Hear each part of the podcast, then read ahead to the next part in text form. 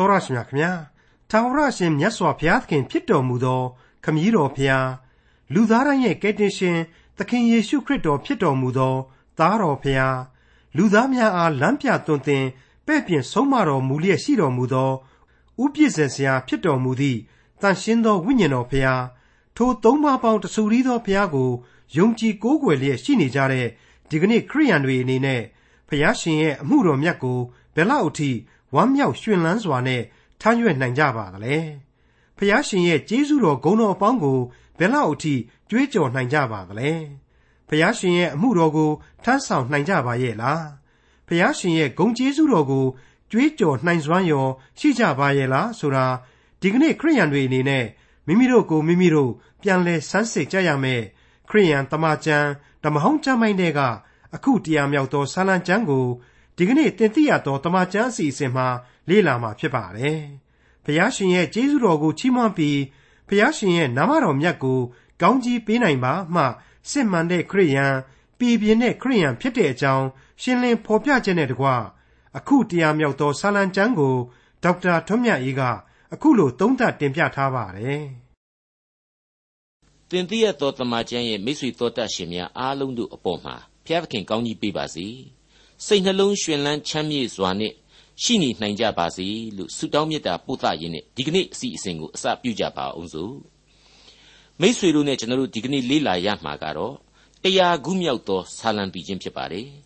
ကျွန်တော်ရဲ့တင်ပြရသောတမန်ကျမ်းရဲ့အစီအစဉ်များရဲ့သင်ခန်းစာအမှတ်စဉ်ကတော့ဒီကနေ့မှာတိုက်တိုက်ဆိုင်ဆိုင်အစီအစဉ်အမှတ်900ကိုရောက်ရှိလာပြီဖြစ်ပါတယ်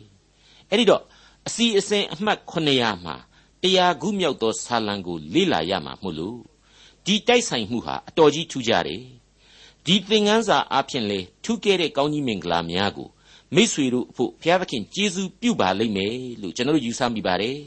ဘုရားသခင်ထံမှာလေမိษွေတို့အတွက်အထူးဆုတောင်းမေတ္တာပို့သပေးလိုက်ပါတယ်တရားကူးမြောက်သောဆာလံတီခြင်းဟာသခင်အတွက်အထက်ထက်ဆိုရန်ဆာလံဆိုပြီးတော့ခေါင်းစဉ်ပေးရမယ့်ဆာလံဖြစ်ပါတယ်အင်္ဂလိပ်လိုကတော့ chorus of the hymn to him ဆိုပြီးတော့ဖော်ပြထားပါတယ်ကျွန်တော်ပြီးခဲ့တဲ့သင်ခန်းစာတွေမှာပြောခဲ့တဲ့အတိုင်းပဲ64ခုမြောက်သောဆာလံကစတဲ့ကောင်းကင်နိုင်ငံတော်အတွက်ဂုံပြုတေးများတဲမှာအခုဆာလံတရားဟာဖြင့်နောက်ဆုံးသောဂုံပြုတေးဆာလံလို့ကျွန်တော်တို့ဆိုရပါလိမ့်မယ်ဒီတရားခုမြောက်သောဆာလံနဲ့အပိသက်မဲ့ဆာလံအစုအဖွဲ့ဟာဆိုရင်ကောင်းကင်နိုင်ငံတော်အတွက်ရည်စူးတယ်ဆိုတော့ ကောင်းကင်နိုင်ငံတော်ကိုအုပ်စိုးတဲ့ဘုရင်ဖြစ်တဲ့သူကယ်တင်ရှင်သခင်ခရစ်တော်ကိုဘုံတကူအာနုဘော်တော်နဲ့ပြည့်စုံသောသခင်ဖြစ်တော်မူတယ်ဆိုတဲ့အကြောင်းမပါလို့မပြီးပဲနဲ့ဆာလံတိုင်းဆာလံတိုင်းတို့ဟာဒီအဓိကရအချက်ကိုသာရှေ့ဆုံးကဖော်ပြသွားခဲ့တယ်ဆိုတာကိုကျွန်တော်တို့လေ့လာနိုင်ပါတယ်မေရှိယဆိုင်ရာဆာလံသို့မဟုတ်အင်္ဂလိပ်လို Messianic Psalm လို့ခေါ်တဲ့60ခုမြောက်သောဆာလံရဲ့နောက်ပိုင်း ဥပုပ်နေ့အတွက်ကျေးဇူးတော်ချီးမွမ်းခြင်းတေးအဖြစ်62ခုမြောက်သောဆာလံကိုကျွန်တော်တို့တွေ့ကြရတယ်အဲ့ဒီမေရှိယကယ်တင်ရှင်ဆာလံနဲ့အခုအစုအဖွဲ့ဝင် ကောင်းကင်နိုင်ငံတော်အကြောင်းဆာလံများကြားမှာပေါင်းကူးပေးထားတဲ့63ခုမြောက်သောဆာလံကစပြီးတော့ခရစ်တော်ရဲ့ဘုန်းတော်ကိုဘယ်လိုဘယ်လိုအထက်ထပ်ဖော်ပြခဲ့တယ်ဆိုတာကိုကျွန်တော်ပြန်ပြီးစဉ်းစားရင်အဖြေပေါ်နိုင်ပါလိမ့်မယ် 63ခုမြောက်သောဆာလံရဲ့အစမှဆိုရင်အခုလိုဖော်ပြထားပါတယ်ထာဝရဘုရားသည်စိုးစံ၍အာနုဘော်နှင့်တစားဆင်တော်မူ၏ထာဝရဘုရားသည်ထိုသို့ဝတ်ဆင်၍ခွန်အားကိုကပန်းစည်းတော်မူ၏တို့ဖြစ်၍လောကဓာတ်သည်မလှုပ်ရှားနိုင်အောင်တည်လျက်ရှိ၏တဲ့ကယ်တင်ရှင်သခင်ခရစ်တော်သို့မဟုတ်ကျွန်တော်အတွက်အသက်လမ်းကိုခြားထားပေးခဲ့သူကောင်းကင်နိုင်ငံတော်ဤဘယင်ဖြစ်သူထံမှဘုံတကိုးတော်နဲ့ ကပန်းစည်းထားတယ်ဆိုတာကိုစတင်ဖော်ပြလိုက်တာပဲဖြစ်ပါတယ်မိတ်ဆွေတော်တတ်ရှင်အပေါင်းတို့ခမညာအဲ့ဒီအရှင်သခင်ဟာဘုန်းတော်ကြီးမားမှုရှိတော်မူသလို64ခုမြောက်သောဆာလံအစမှာကြတော့အပြစ်ကိုပေးပိုင်တော်မူထသောထာဝရဘုရားအပြစ်ကိုပေးပိုင်တော်မူသောဘုရားသခင်ဆိုတဲ့ဂုံတူးဝိသေသလက္ခဏာဟာထပ်မံပါဝင်လာပါတယ်ဒါဟာစီရင်ပိုင်သောအာနာတော်တည်ရှိနေခြင်းအကြောင်းကိုဖော်ညွှန်းခြင်းပဲဖြစ်ပါတယ် ပြီးတော့မှတခါအဲ့ဒီလိုဘုံတကူအာနုဘော်တော်နဲ့ပြည့်စုံတော်မူတဲ့သခင်ကို65ခုမြောက်သောဆာလံရဲ့အစမှာကြတော့လာကြထာဝရဘုရားအားရှင်လန်းစွာတည်ခြင်းဆိုကြကုန်အံ့ငါတို့သည်ကဲတင်ခြင်းသို့ရောက်ရာကြောက်ကိုကျူအေးကြကုန်အံ့ဆိုပြီးတော့ဖော်ပြလာပြန်ပါတယ်ကဲတင်ရှင်ဖြစ်တယ်ကြောက်ခဲကဲ့သို့ကြောက်ဆိုင်ကြောက်သားကဲ့သို့ခိုင်ကန့်မြဲမြံခြင်းရှိတဲ့သခင်ဖြစ်တယ် ဒါကြောင့်မလို့ချီးမွမ်းထောမနာပြုကြပါစို့ဆိုပြီးတော့အစချီလိုက်တာပဲဖြစ်ပါတယ်ကြေညာလိုက်တာပဲဖြစ်ပါတယ်ဒါကိုပဲ66ခုမြောက်သောဆာလံကြပြန်တော့လေအသစ်သောတည်ခြင်းကိုဆိုဖွဲ့ကြမြေကြီးသားအပေါင်းတို့တည်ခြင်းဆိုကြလော့ဆိုပြီးတော့တိုက်တွန်းသံဟာထပ်မံကြားလာရပြန်ပါတယ်68ခုမြောက်ကြပြန်တော့မြေကြီးသည်ဝမ်းမြောက်စေကျွန်းများတို့သည်ရှင်လန်းကြစေဆိုပြီးတော့ပုံမကျဲပြန့်တဲ့ကြေညာချက်များတိုက်တွန်းနှိုးဆော်ချက်များ ထပ်မံပါဝင်လာတာကိုလေ့လာနိုင်ပါလိမ့်မယ်68ခုမြောက်သောဆာလံမှာကြတော့အံ့ဘွယ်သောအမှုတို့ကိုပြုတော်မူပြီးဒါကြောင့်မလို့ငါတို့တွေဟာအသစ်သောသီချင်းကိုဆက်လက်ရေးဖွဲ့သီဆိုကြရလိမ့်မယ်လို့မြင်ရမှာဖြစ်ပါတယ်69ခုမြောက်သောဆာလံမှာကြတော့လူများအပေါင်းတို့တုန်လှုပ်ခြင်းရှိကြစေမြေကြီးပြင်သည်လည်းလှုပ်ရှားစေကြီးမြတ်၍ကြောက်ရွံ့တုန်လှုပ်ပွေသောနာမတော်ကိုချီးမွမ်းကြစေစသည်စသည်ဖြင့် ဖော်ပြသွားခဲ့ပြီးပြီဖြစ်ပါတယ်ဒါရီယာအကုန်လုံးဆက်ဆက်ကြည့်လိုက်မယ်ဆိုရင်ကောင်းကင်နိုင်ငံတော်မှာစိုးစံတဲ့အရှင်သခင်လောကရဲ့ဘယင်ဖြစ်တော်မူသောခရစ်တော်ကိုဆာလံတီချင်းအပေါင်းတို့ဟာတခဲနဲ့ဂုံပြုတ်ခဲ့ကြခြင်းပဲဆိုတာရှင်းလင်းနေပါလေအခုတရားခုမြောက်သောဆာလံကြတော့ဒီဩဘာသံတို့ရဲ့အရေးအကြီးဆုံးအပိုင်းလို့ဆိုရမယ်ပဲ့တင်သံသို့မဟုတ်စုပေါင်းကျူးရင်သံအင်္ဂလိပ်လိုကတော့ chorus ပေါ့ အဲ့ဒီလို chorus သံစုံဟစ်ကြွေးခြင်းဆာလံလို့ကျွန်တော်တို့ဆိုရတော့မှာဖြစ်ပါတယ်အခုအငယ်1နဲ့2ကိုစတင်နားဆင်ကြည့်ကြပါစို့ရဲ့မြေကြီးသားအပေါင်းတို့ထာဝရဘုရားအားကြွေးကြော်ကြလော့ထာဝရဘုရား၏အမှုတော်ကိုဝမ်းမြောက်စွာဆောင်ရွက်ကြလော့ရှင်လန်းစွာတည်ခြင်းဆိုလျက်အထံတော်သို့ဝင်ကြလော့ဆာလံဆရာကြီးကတော့ဝမ်းမြောက်ခြင်းရှင်လန်းခြင်းတို့ကိုအဓိကထားနေပါတယ်ဟုတ်ပါတယ် ဘုရားသခင်ရဲ့အမှုတော်မြတ်ကိုဆောင်ရွက်ခြင်းဘုရားသခင်ကိုကိုးကွယ်ဝတ်ပြုခြင်းအထံတော်သို့တိုးဝင်ချင်းကပ်ခြင်းများပြုကြတဲ့ကျွန်တော်ယုံကြည်သူတွေဟာဝမ်းမြောက်ရှင်လန်းသောစိတ်ဓာတ်များရှိကြပါရဲ့လားမွေးမြူနိုင်ကြပါရဲ့လားအလိုတော်ကိုအစဉ်ဝန်ခံလျက်ကျေနပ်အားရတဲ့စိတ်နှစ်သိမ့်နိုင်သောစိတ်အစဉ်များအရာရာကိုခံယူနိုင်စွမ်းအားရှိပြီးတော့အကောင်းမြင်သောသဘောထားများမွေးမြူနိုင်ကြပါရဲ့လားဆိုတာကိုအလေးအနက်စဉ်းစားဖို့လိုလာပါတယ် ဒီနေရာမှာကျွန်တော်ကကျွန်တော်ရဲ့ဘဝအတွေ့အကြုံလေးကိုပဲသက်သေအနေနဲ့ကျွန်တော်တင်ပြခြင်းပါတယ်1968ခုနှစ်6ခုနှစ်လောက်တုန်းကဆေးတက်ကတူတည့်ရဲ့ခရစ်မတ်ပွဲကြီးမှာအရေးပေါ်ပြဿနာတစ်ခုစင်တင်ပြသတော့လူမရှိတာနဲ့ပဲအတင်းဆွဲပြီးအခေါ်ခံရတဲ့ကျွန်တော်ဟာကောက်ခါငင်ကဇက်လိုက်မင်းသားဖြစ်သွားခဲ့ရပါတယ်လေ့ကျင့်ပြီးတော့လည်းမထားရဘူးအနာနီးကမှကပ်ပြီးအတင်းဆွဲခေါ်ခံရတာကြောင့်လေမကြေမနက်ဖြစ်နေတဲ့ကျွန်တော်ဟာ အဲ့ဒီဇက်လန်းအရာခရစ်တော်ရဲ့ဖွားမြင်ခြင်းမှုလို့ကျေးဇူးတော်ကိုချီးမွမ်းထောမနာပြုရမယ်အချိန်မှာမျက်နာကြီးစင်မြင့်ပေါ်မှာမရွှင်မပြတ်ဖြစ်ခဲ့ပါတယ်ကဲဟေးတငယ်ချင်းတွေကိုတော့သိပ်ပျော်သွားပြီကွာတို့တွေအားလုံးပျော်ပျော်ရွှင်ရွှင်ကြီးတချင်းတွေဆိုကြရအောင်ဆိုပြီးတော့ပြောဖို့ရေလောကဝမ်းမြောက်ဖျားကြွလာဆိုတဲ့တချင်းကိုဆိုဖို့ရဲ့အပိုင်းမှာအကုန်ကိုယ့်ရုပ်ကာယတွေဖြစ်ကုန်ပါလေမဖြစ်ဖဲနေမလားစိတ်ကောက်ပြီးနေတဲ့ကျွန်တော်က ကိုတော့ပျော်သွားပြီဟေးပျော်သွားပြီဒါကြောင့်မလို့ကျေးဇူးတော်ချီးမွမ်းကြရအောင်ဆိုပြီးတော့ပါဇက်ကဘလောက်ပဲပြောနေနီမျက်နာကြီးကရှစ်ခေါက်ချိုးဖြစ်နေတော့ပြိသက်တည်းရဲ့ဝိုင်းဟားတာကိုခံရပါလေရောကျွန်တော်ကတော့ကိုကိုကိုမသိဘူးသူများဝိုင်းရီတာကိုပဲအဟုတ်မှတ်နေတာပေါ့ပွဲပြီးတော့မှတငယ်ချင်းလင်ဒါထိုက်တို့အခုကျန်းစာကျောင်းမှာပမောက္ခဖြစ်နေတဲ့ဒေါက်တာဂျွန်နီမမောင်လတ်တို့ကမင်းနဲ့ကွာပါဇက်ကတော့ပျော်တယ်ပျော်တယ်နဲ့မျက်နာကြီးကတော့ဤလေလေကြီးမလို့ တို့တော့မကြီးပဲမနေနိုင်ဘူးကွာဆိုပြီးတော့ပြောတာကိုခံလိုက်ရပါတယ်ကျွန်တော်ကဒါကိုပြန်ပြီးတော့ကို့ပေါင်ကိုလှန်ထောင်းတယ်လို့ပြောရတာဟာအကြောင်းရှိပါတယ်ဘဝအသက်တာဟာအမြဲတမ်းပျော်စရာဝမ်းမြောက်စရာဟုတ်ချင်မှဟုတ်ပါလိမ့်မယ်ဒါပေမဲ့ခံစားရကျေးဇူးတော်နဲ့ကယ်တင်ရှင်ဆုကျေးဇူးတော်ဆိုတာကတော့အမြဲတမ်းပျော်စရာဝမ်းမြောက်စရာဖြစ်တယ်လို့ခံယူကြဖို့ပါပဲအဲ့ဒီလိုခရစ်မတ်မွေးနေ့တော်အခါသမယဆိုပါတော့ လောကဝမ်းမြောက်ဖျားကြွလာလို့ကျွန်တော်တို့ဆိုရကြတယ်မဟုတ်ဘူးလားရှင်လန်းဝမ်းမြောက်ဝမ်းသာတစ္ဆာစောင့်သူများလားဆိုပြီးတော့လေချီးမွမ်းထောမနာပြုရကြတယ်မဟုတ်ဘူးလားဒါဟာခရစ်မတ်ကျေးဇူးတော်ရဲ့အနှစ်သာရလေမွေးနေ့တော်ပွဲရဲ့ထုံးစံပဲ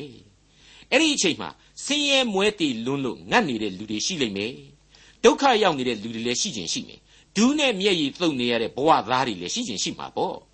ဒါပေမဲ့အဲ့လူတွေအပါအဝင်တလောကလုံးအတွက် ကယ်တင်ခြင်းတရားကိုခရစ်တော်သယ်ဆောင်လာခဲ့တာကတော့အမှန်ပဲ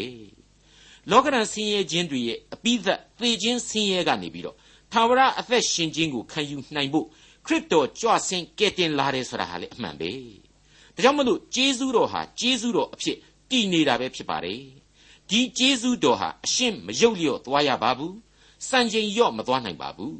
ကျွန်တော်စိတ်ဝိညာဉ်ဟာ ဒီဂျေဇုတော်ကိုသာလျှင်တုံ့ပြန်ချီးမွမ်းနေရမှာဧကန်အမှန်ဖြစ်ပါတယ်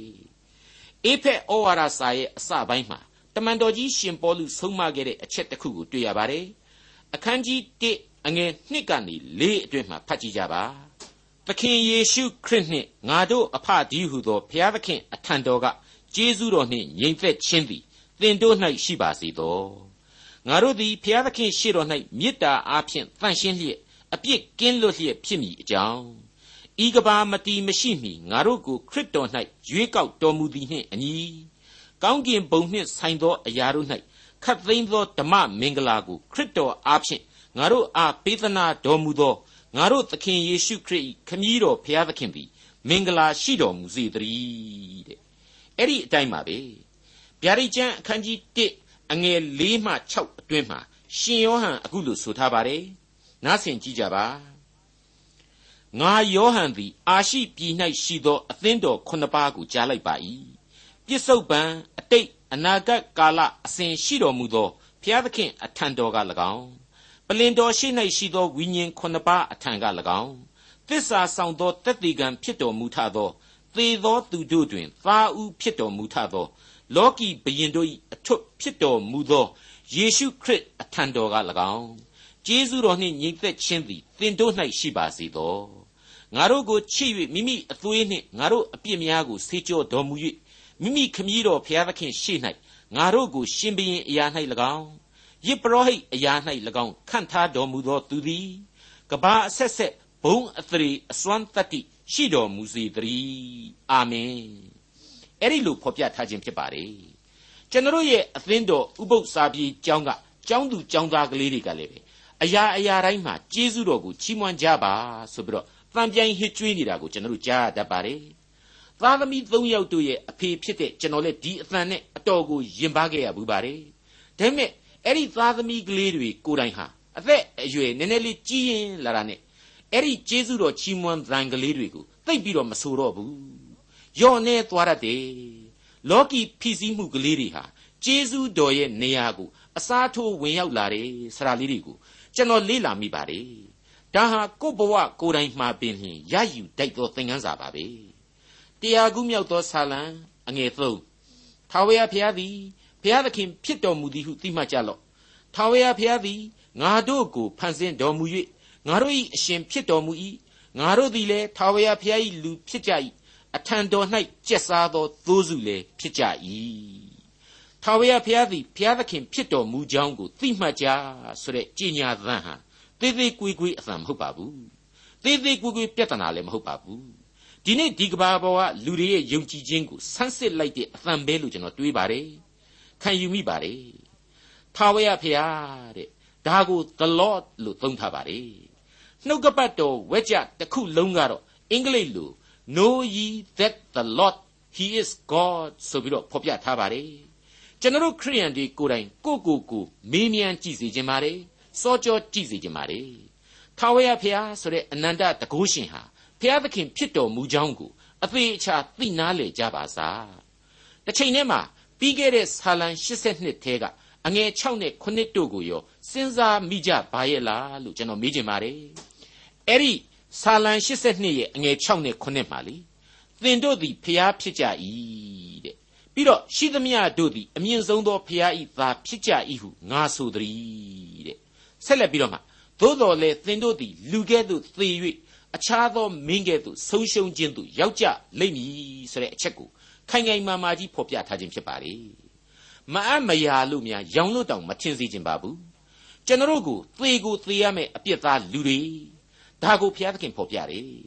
ဒါပေမဲ့သူ့ရဲ့သားသမီးများဖြစ်တဲ့အတွက်ကြောင့် ဖះလို့တောင်မှဆိုနိုင်တယ်လို့ तू ကရဲရဲကြီးဖော်ပြလိုက်တယ်ကျွန်တော်တို့ဒီအတိုင်းကိုကိုကိုပြောရဲရဲလားကျွန်တော်တော့မပြောရဲဘူးဖျားသခင်ကတော့နှုတ်ကပတ်တော်မှာအခိုင်အမာပဲဖော်ပြတယ်မင်းတို့ဟာဖျားသခင်ရဲ့အမွေကိုခံရမယ့်လူတွေဒါကြောင့်မို့လို့ဖျားလို့ပြောနိုင်တယ်ကျွန်တော်ရဲ့သခင်ကြတော့ဖျားတို့ဤသခင်သို့မဟုတ်မသိနိုင်တဲ့ဖျားအဆုံးအစမရှိအနန္တကာလတည်ခဲ့သူမို့လို့ထာဝရဖျားဖြစ်တော်မူခြင်းဖြစ်တယ် အဲ့ဒီထာဝရဖျားဟာဖျားသခင်ဖြစ်တယ်ဆိုတာကိုကျွန်တော်ရိုးရင်းချင်းစီကနေခံယူထားကြရပါလိမ့်မယ်နောက်ထပ်ထပ်မံပြီးတော့ဆက်ဆက်မိတဲ့ဆာလံတီချင်းကတော့86ခုမြောက်သောဆာလံတီချင်းဖြစ်ပါတယ်အဲ့ဒီ86ခုမြောက်သောဆာလံရဲ့အငယ်8မှ30အတွင်းထဲမှာကြည့်လိုက်ရင်အိုးထာဝရဖျားဖျားတို့တွင် ကိုတော်နှင့်တူသောဖျားမရှိပါအမှုတော်နှင့်တူသောအမှုလည်းမရှိပါအိုးထာဝရဖျား ဖန်ဆင်းတော်မူသောလူမျိုးအပေါင်းတို့သည်ချင်းကပ်လျက်ရှေ့တော်၌ပြတ်ဝ၍နာမတော်ကိုချီးမြှောက်ကြပါလိမ့်မည်ကိုတော်သည်ကြီးမြတ်၍အံ့ဩဘွယ်တို့ကိုပြုတော်မူ၏ကိုတော်တပါးသည်သာလျှင်ဘုရားသခင်ဖြစ်တော်မူ၏ဆိုတဲ့အချက်ကိုခိုင်ခိုင်ခန့်ခန့်တွေ့ရပြန်ပါတယ်မိษွေအပေါင်းတို့၏ထာဝရဘုရားသည်ဘုရားသခင်ဖြစ်တော်မူ၏ဆိုတဲ့အချက်နဲ့ပတ်သက်လို့ ကနဦးယေရုရှလင်မြို့တော်ကယုံကြည်သူများရဲ့ဆုတောင်းသံကိုလေကျွန်တော်ပြန်လဲကြားရောက်မိပါတယ်တမန်တော်ကြီးတွေဟာအဲ့ဒီအချိန်အခါတုန်းကခရိယန်တွေကိုညှဉ်းပန်းနှိပ်စက်မှုတွေရဲ့အကြောင်းယစ်ပရောဟိတ်ကြီးတွေလူအကြီးအကဲကြီးတွေရဲ့ဖိနှိပ်မှုတွေအကြောင်းတွေကိုယေရုရှလင်မြို့ပေါ်ကယုံကြည်သူတွေကိုပြန်ပြီးတော့ပြောခဲ့ကြတယ်။သတင်းပို့ခဲ့ကြတယ်။အဲ့ဒီအခါမှာတမန်တော်တို့အားဖြင့်ကြားသိရတဲ့ဒုက္ခဆင်းရဲခြင်းတွေကြားမှာ ခရိယန်တို့ရဲ့ဆူတောင်းခဲ့ကြတဲ့အသံတွေကအရေးကြီးတဲ့အချက်များကိုကျွန်တော်ပြန်လည်သတိရမိခြင်းပဲဖြစ်ပါတယ်။အဲ့ဒီအချိန်ကာလတုန်းကယေဘရဟိတ်တွေအာနာပိုင်တွေဟာတမန်တော်တွေကိုလိုက်ပြီးတော့ဖမ်းဟယ်စီးဟယ်လုပ်တယ်ညှင်းဆဲခဲ့ကြတယ်ယေရှုခရစ်ရဲ့နာမတော်ကိုလုံးဝမဟောမပြောကြရဘူးဆိုပြီးတော့မှဂရိဂရိဝန်ခံချက်တွေအတင်းတောင်းပြီးတော့ပြန်လွှတ်ကြတယ်တားမြစ်ပိတ်ပင်ခဲ့ကြတယ်ပေါ့အဲ့ဒီလိုတမန်တော်တွေကိုပြန်လွှတ်လိုက်တာနဲ့ပဲ ယေရုရှလင်အသင်းတော်မှာတမန်တော်တို့ကနေပြီးတော့ဒီလိုဖိနှိပ်မှုတွေဖြင့်ရှိနေပြီဆိုတဲ့အကြောင်းကိုခရိယန်တွေကိုပြန်လဲတင်ပြတဲ့အချိန်မှပဲဖြစ်ပါတယ်တမန်တော်ဝတ္ထုအခန်းကြီး၄အငယ်23နဲ့24ကိုပြန်ပြီးတော့ကြည့်ကြပါတမန်တော်တို့သည်လွတ်သောအခါမိမိတို့အပေါင်းအသင်းရှိရာသို့သွား၍မိမိတို့အားယေဘရဟိတ်အကြီးတို့နှင့်လူအကြီးအကဲတို့ပြောဆိုသမျှကိုပြန်ကြားကြ၏ထိုသူများတို့သည်ကြားရလျင် တညီတညွတ်တီဖျားသခင်ထံသို့အသံကိုလွှင့်လျက်အစိုးရတော်မူသောအရှင်ကိုတော်သည်ကောင်းကင်မြေကြီးသမုတ်တရားမှစ၍ထိုအရတ်တို့၌ရှိသမျှတို့ကိုဖန်ဆင်းတော်မူသောဘုရားသခင်ဖြစ်တော်မူ၏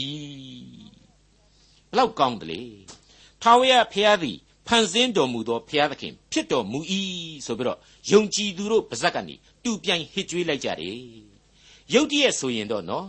ထာဝရဘုရားသည်ဘုရားသခင်ဖြစ်တော်မူ၏ဆိုတာကိုအလွယ်အလွယ်ပြောနိုင်မှာဖြစ်ပါတယ်ဒါပေမဲ့ဘလောက်လေးနဲ့သလဲဆိုတာကိုအဲ့ဒီဥပမာများအဖြစ်ကျွန်တော်တို့ဆင်ခြင်နှလုံးသွင်းတိုက်လာပါတယ်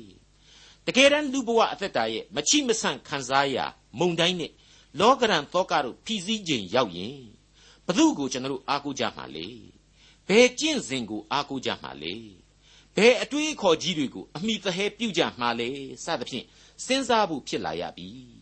စံတဝါဝါလုံနေဖို့အချိန်မရှိတော့ဘူးလေဒီအချိန်မျိုးမှာတော့ထာဝရဘုရားဖြစ်သောဘုရားသခင်ကိုသာ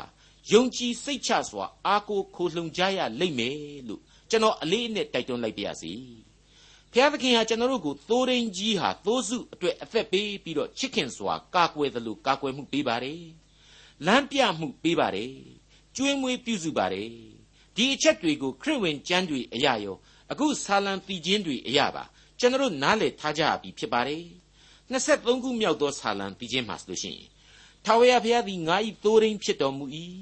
ငါသည်ဆင်းရဲမခံရစိမ့်လန်းသောကျက်စားရအရ၌ငါကိုအိပ်စေတော်မူ၏။သာယာသောမြေနာသို့လမ်းပြတော်မူ၏။ငါဝိညာဉ်ကိုအားဖြည့်၍နာမတော်အဖို့အလို့ငှာတရားလမ်းထဲ၌သွေးဆောင်တော်မူ၏။အကယ်၍သင်မင်းရိပ်လွှမ်းမိုးသောဂျိုင်တဲသို့ရှောက်သွားရတော်လေဘေးအန္တရာယ်ကိုမကြောက်ပါ။ အကြောင်းမူကားကိုတော်သည်အကျွန်ုပ်နှင့်အတူရှိတော်မူသည်ဖြစ်၍လှန်တန်တော်နှင့်တောင်ပွေးတော်သည်အကျွန်ုပ်ကိုချမ်းသာစေပါ၏။အကျွန်ုပ်၏ရန်သူတို့ရှေ့မှအကျွန်ုပ်အဖို့စပွဲကိုခင်းတော်မူ၏အကျွန်ုပ်၏ခေါင်းကိုစီနှင့်လိမ့်တော်မူ၏အကျွန်ုပ်၏ခွက်ဖလားသည်ရှံလျက်ရှိပါ၏အကယ်စင်စစ်အကျွန်ုပ်သည်ကျေးဇူးနှင့်ဂရုနာတော်ကိုအစဉ်အမြဲခံစား၍ထာဝရဘုရား၏အိမ်တော်မှာအစဉ်အမြဲနေရပါလိမ့်မည်ဆိုပြီးတော့ဖော်ပြထားပါတယ်အဲ့ဒီအတိုင်းပါပဲ ထာဝရဘုရားဖြစ်တော်မူတဲ့ဘုရားသခင်သို့မဟုတ်ကယ်တင်ရှင်ရဲ့ဆောင်ထိန်တော်မူခြင်းသဘောတရားကိုရှင်ယောဟန်ခရစ်ဝင်ကျမ်းအခန်းကြီး30အငယ်7ကနေ18အတွင်းမှာအခုလိုအမှတ်တရပြန်ပြီးတော့လေ့လာသင်ပါတယ်ရှင်ယောဟန်ခရစ်ဝင်ကျမ်းအခန်းကြီး30အငယ်17မှ18ငါသည်ကောင်းသောသိုးရင်းလည်းဖြစ်၏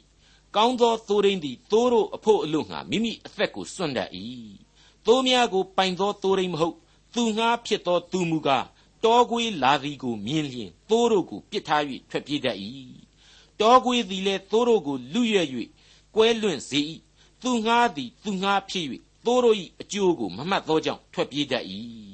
ငါသည်ကောင်းသောသိုးရင်းဖြစ်၏ခမည်းတော်သည်ငါကိုသိတော်မူ၍ငါသည်လည်းခမည်းတော်ကိုသိတဲ့ကဲ့သို့ငါဤသိုးတို့ကိုငါသိ၏ငါသိုးတို့သည်လည်းငါကိုသိကြ၏ငါသည်ကိုယ်အသက်ကိုသိုးတို့အဖို့အလို့ငါစွန့်၏ ဤသိုးကြံသို့မဝင်သော အခြားသိုးတို့ကိုလည်းငါပိုင်သေး၏ထိုသိုးတို့ကိုငါဆောင်ခဲ့ရမည်သူတို့သည်လည်းငါစကားသံကိုနားထောင်သဖြင့်သိုးကြံတစ်ခုသိုးရင်းတစ်ပါးသည်သာရှိရလိမ့်မည်ငါသည်ကိုယ်အသက်ကိုစွန့်၍နောက်တဖန်ယူအောင်မည်ဖြစ်သောကြောင့်ငါခမည်းတော်သည်ငါကိုချစ်တော်မူ၏ငါအသက်ကိုအဘယ်သူမျှမလူမယူကိုယ်အလိုလျောက်ငါစွန့်၏ကိုယ်အသက်ကိုစွန့်ရသောအခွင့်နှင့် နောက်တဖန်ကိုယ်အသက်ကိုယူပြန်ရသောအခွင့်သည်ငါ၌ရှိ၏ထိုအခွင့်ကိုခမည်းတော်သည်ပေးတော်မူပြီဟုမိန့်တော်မူ၏ဟုတ်ပါတယ်မိတ်ဆွေအပေါင်းတို့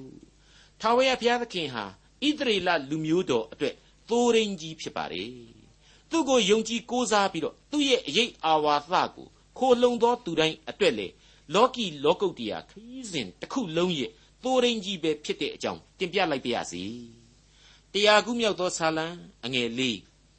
ကျေးဇူးတော်ကြီးပါသည်ဟုဝန်ခံလျက်တကားတော်တို့ကို၎င်းဂုံတော်ကိုချီးမွမ်းလျက်တရိုင်းတော်တို့ကို၎င်းဝင်ကြလော့ကျေးဇူးတော်ကိုချီးမွမ်း၍နာမတော်ကိုကောင်းကြီးပေးကြလော့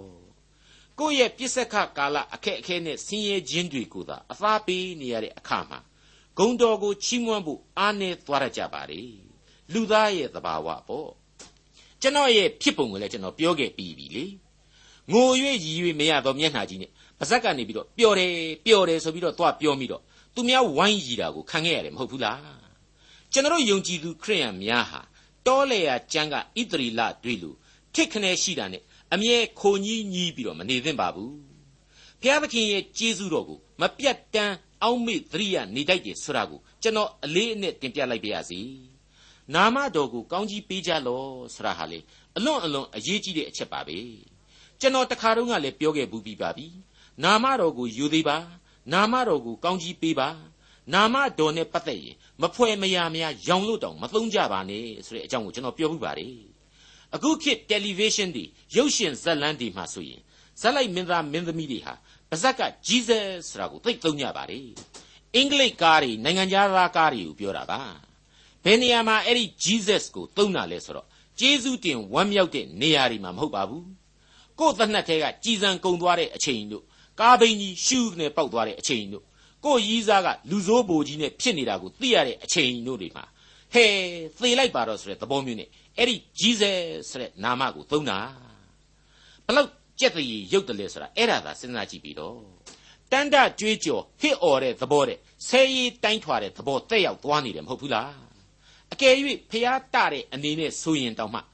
တကယ်တကယ်သိပ်ပြီးတော့လက်မခံတိုက်ဘူး ကြားရတာဟာနားဝမှာသက်သာစရာမကောင်းဘူးလို့ကျွန်တော်ခံယူပါတယ်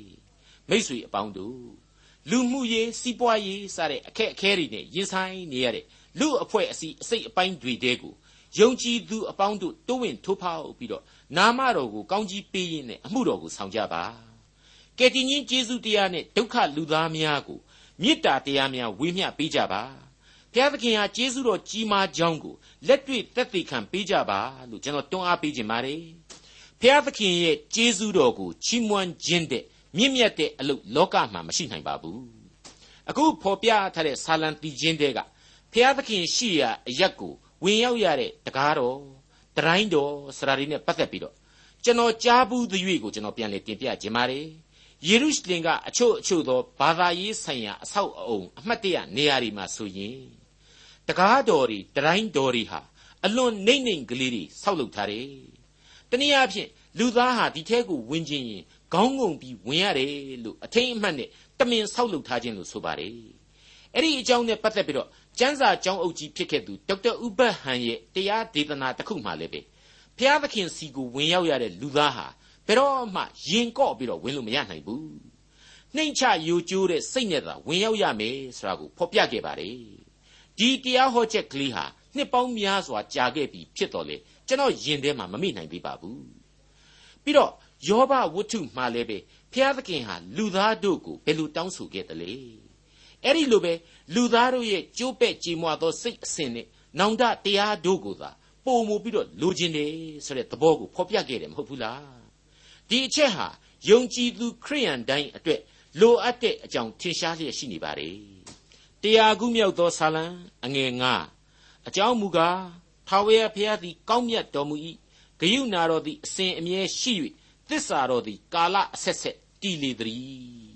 မငင်းနိုင်တဲ့သမိုင်းသက်သည်ဖြစ်ပါတယ်ကျွန်တော်သင်သိရသောတမန်ကျမ်းရဲ့အတိတ်သင်ခန်းစာအားလုံးတို့ဟာဒီဂယုဏတော်ကိုအစဉ်အမြဲမိမောင်းထိုးဖော်ပြခဲ့ပြီးပါပြီပြည့်ညတ်တော်ကာလမှာအကျင့်တရားကိုတောင်းဆိုခဲ့တယ်တိကျတဲ့ဥပရိသများနဲ့လူအဖွဲ့အစည်းကိုအုပ်ချုပ်ခဲ့တယ် ဒါပေမဲ့လူသားဟာဘယ်နည်းနဲ့မှဒီပြည့်ညတ်တော်နဲ့စံချိန်မိအောင်မလိုက်နှံနိုင်ဘူးဆိုတာကိုတော်မူတယ်သိတော်မူတဲ့ဘုရားသခင်ဟာဝတ်ပြုရာတဲတော်ရစ်ပူဇော်ခြင်းဂယုဏပလင်တော်တို့အားဖြင့်လူသားတွေကိုကယ်တင်မှုပြုခဲ့တယ်။အဲ့ဒီအစဉ်အလာတိုင်းပဲဓမ္မသစ်ကာလမှာကျတော့လူစားတိကိုကိုတော်တိုင်ခံယူပြီးတော့သိုးတငယ်တကောင်လိုရစ်ပူဇော်ခြင်းခံယူပေးပြန်တယ်။ဟုတ်ပါတယ်။ လူလောကရဲ့အပြစ်များကိုယူတင်ဝတ်ဆောင်ပြီးတော့အသေးခံတော်မူခဲ့ခြင်းကျေးဇူးပြုခဲ့ခြင်းပါ။ဒီနည်းအားဖြင့်အပြစ်လူသားဟာအပြစ်တရားမှကိုယ်စွန့်ပကားနဲ့ကိုမလွတ်မြောက်နိုင်တော်လေသူ့ကိုယုံကြည်ခြင်းနဲ့သာလွတ်မြောက်နိုင်ခွင့်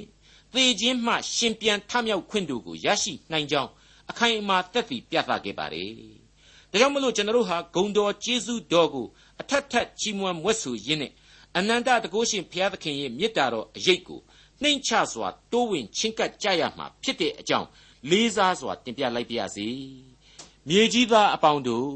ထာဝရဘုရားအားကြွေးကြော်ကြလော့ထာဝရဘုရား၏အမှုတော်ကိုဝမ်းမြောက်စွာဆောင်ရွက်ကြလော့ရှင်လန်းစွာတည်ခြင်းဆိုလျက်အထံတော်သို့ဝင်ကြလော့ဒေါက်တာထွန်းမြတ်၏စီစဉ်တင်ဆက်တဲ့တင်ပြရသောတမချန်းအစီအစဉ်ဖြစ်ပါတယ်နောက်တစ်ချိန်အစီအစဉ်မှာခရိယန်တမချန်းဓမ္မဟောင်းကျမ်းပိုင်းမှာပါရှိတဲ့ တရားတစ်ခုမြောက်သောဆာလံကျမ်းနဲ့တရားနှစ်ခုမြောက်သောဆာလံကျမ်းတို့ကိုလေ့လာမှဖြစ်တဲ့အတွက်စောင့်မျှော်နားဆင်နိုင်ပါတယ်။